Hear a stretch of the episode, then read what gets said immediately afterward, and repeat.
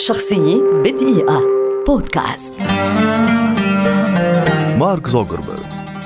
رجل أعمال ومبرمج أمريكي ولد عام 1984 واشتهر بتأسيسه موقع التواصل الاجتماعي الأكبر في العالم فيسبوك. أظهر مارك نبوغا وولعا بالتكنولوجيا منذ صغره.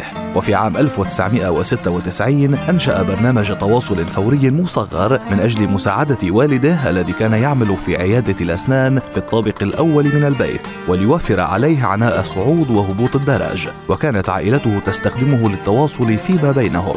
ويدعى البرنامج زوك نت كما عرضت شركة اي أو ال ومايكروسوفت شراء برنامج موسيقى كتبه مارك في المرحلة الثانوية.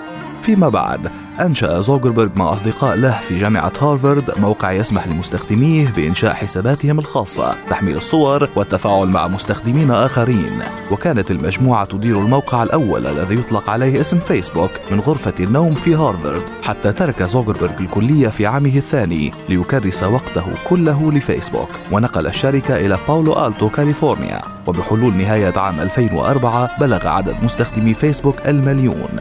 وهكذا نمت شركة فيسبوك عام بعد عام. لتصبح اليوم شركة عملاقة تملك العديد من الشركات والتطبيقات الأخرى بعائدات سنوية تقدر بمليارات الدولارات ما جعل زوكربيرغ على قائمة فوربس لأغنى أغنياء العالم. كما أنه اختير شخصية العام 2010 من قبل مجلة تايم. وهو يعد دون شك من أكثر الشباب تأثيرا اليوم على مستوى العالم.